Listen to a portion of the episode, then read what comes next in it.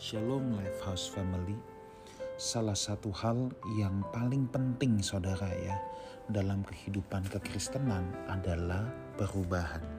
Rasul Paulus dalam suratnya kepada jemaat di Roma dalam Roma pasal 12 ayat yang kedua, janganlah kamu menjadi serupa dengan dunia ini, tetapi berubahlah oleh pembaharuan budimu, sehingga kamu dapat membedakan manakah kehendak Allah, apa yang baik, yang berkenan kepada Allah dan yang sempurna.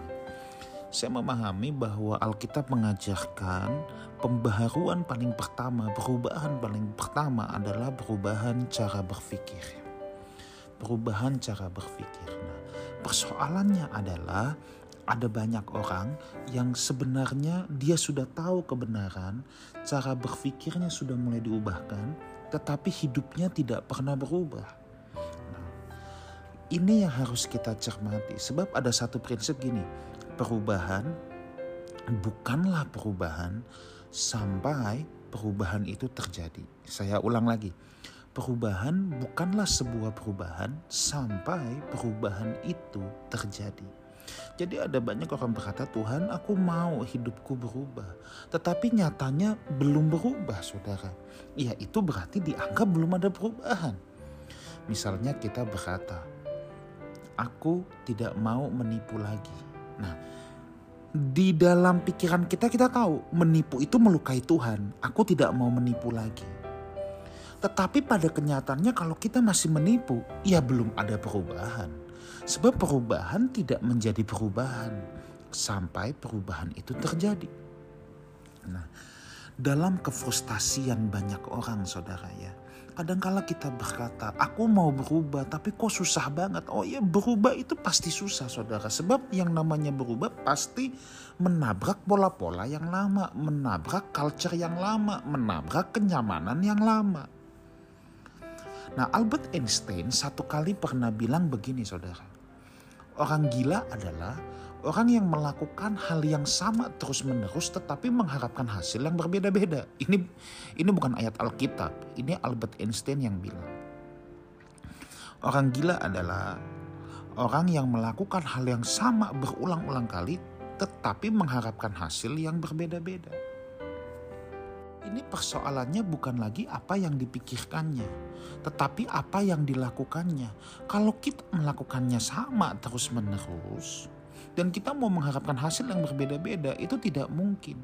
Nah, kadangkala saudara, saya mengerti bahwa kita harus membuka peluang seseorang bisa berubah, siapa pun bisa berubah asalkan dia mau. Nah, tetapi di sini loh persoalannya apakah kita mau mengizinkan support structure kita yang ada di sekeliling kita yang menunjang supaya kita bisa berubah. Contoh begini, kita berkata bahwa kita mau mengasihi Tuhan, tapi kita tidak mau merubah diri membangun kebiasaan bersekutu dengan Tuhan, belajar firman, doa dan lain sebagainya. Kita nggak mau, tapi kita mau mengharapkan adanya perubahan. Tiba-tiba kita mengasihi Tuhan, ya nggak bisa saudara. Nah hidup kekristenan pun sama. Kita berharap adanya perubahan dalam hidup kita, adanya perubahan dari bagaimana cara kita bersikap, bagaimana cara kita mengambil keputusan.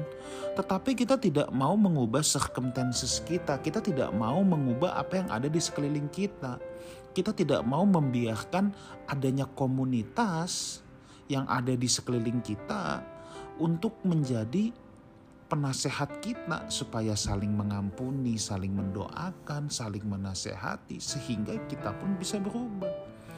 Seringkali kita mau dengan pola-pola yang lama ya, misalnya kita tidak terbiasa punya komunitas, tapi kita mau berharap hidup kita berubah. Jujur saudara, Alkitab tidak pernah mengajarkan bahwa manusia itu bisa bertumbuh sendiri saja.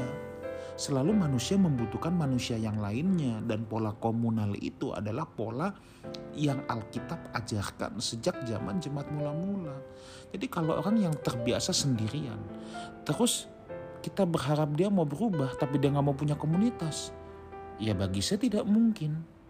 Bukannya saya berkata orang itu nggak mungkin berubah karena itu loh polanya nggak mau diganti supporting structure-nya nggak mau diganti tetapi mau mengharapkan adanya perubahan itu yang menjadi sulit. Ya. Itu sebabnya kalau Bapak Ibu Saudara kita rindu hidup kita berubah, pastikan kita punya supporting structure yang benar. Supporting structure itu apa? Komunitas yang benar yuk. Kalau komunitas kita baik, pasti akan mengalami perubahan hidup juga kita. Ya, nah saya berdoa Lifehouse Community supaya kita semua bisa berubah. Berubah ke mana? Dalam segala hal. Ke arah Kristus. Kiranya kita semua jangan berhenti berubah dan kita semua tetap hidup dalam komunitas yang baik. Tuhan Yesus menyertai kita semua. Haleluya.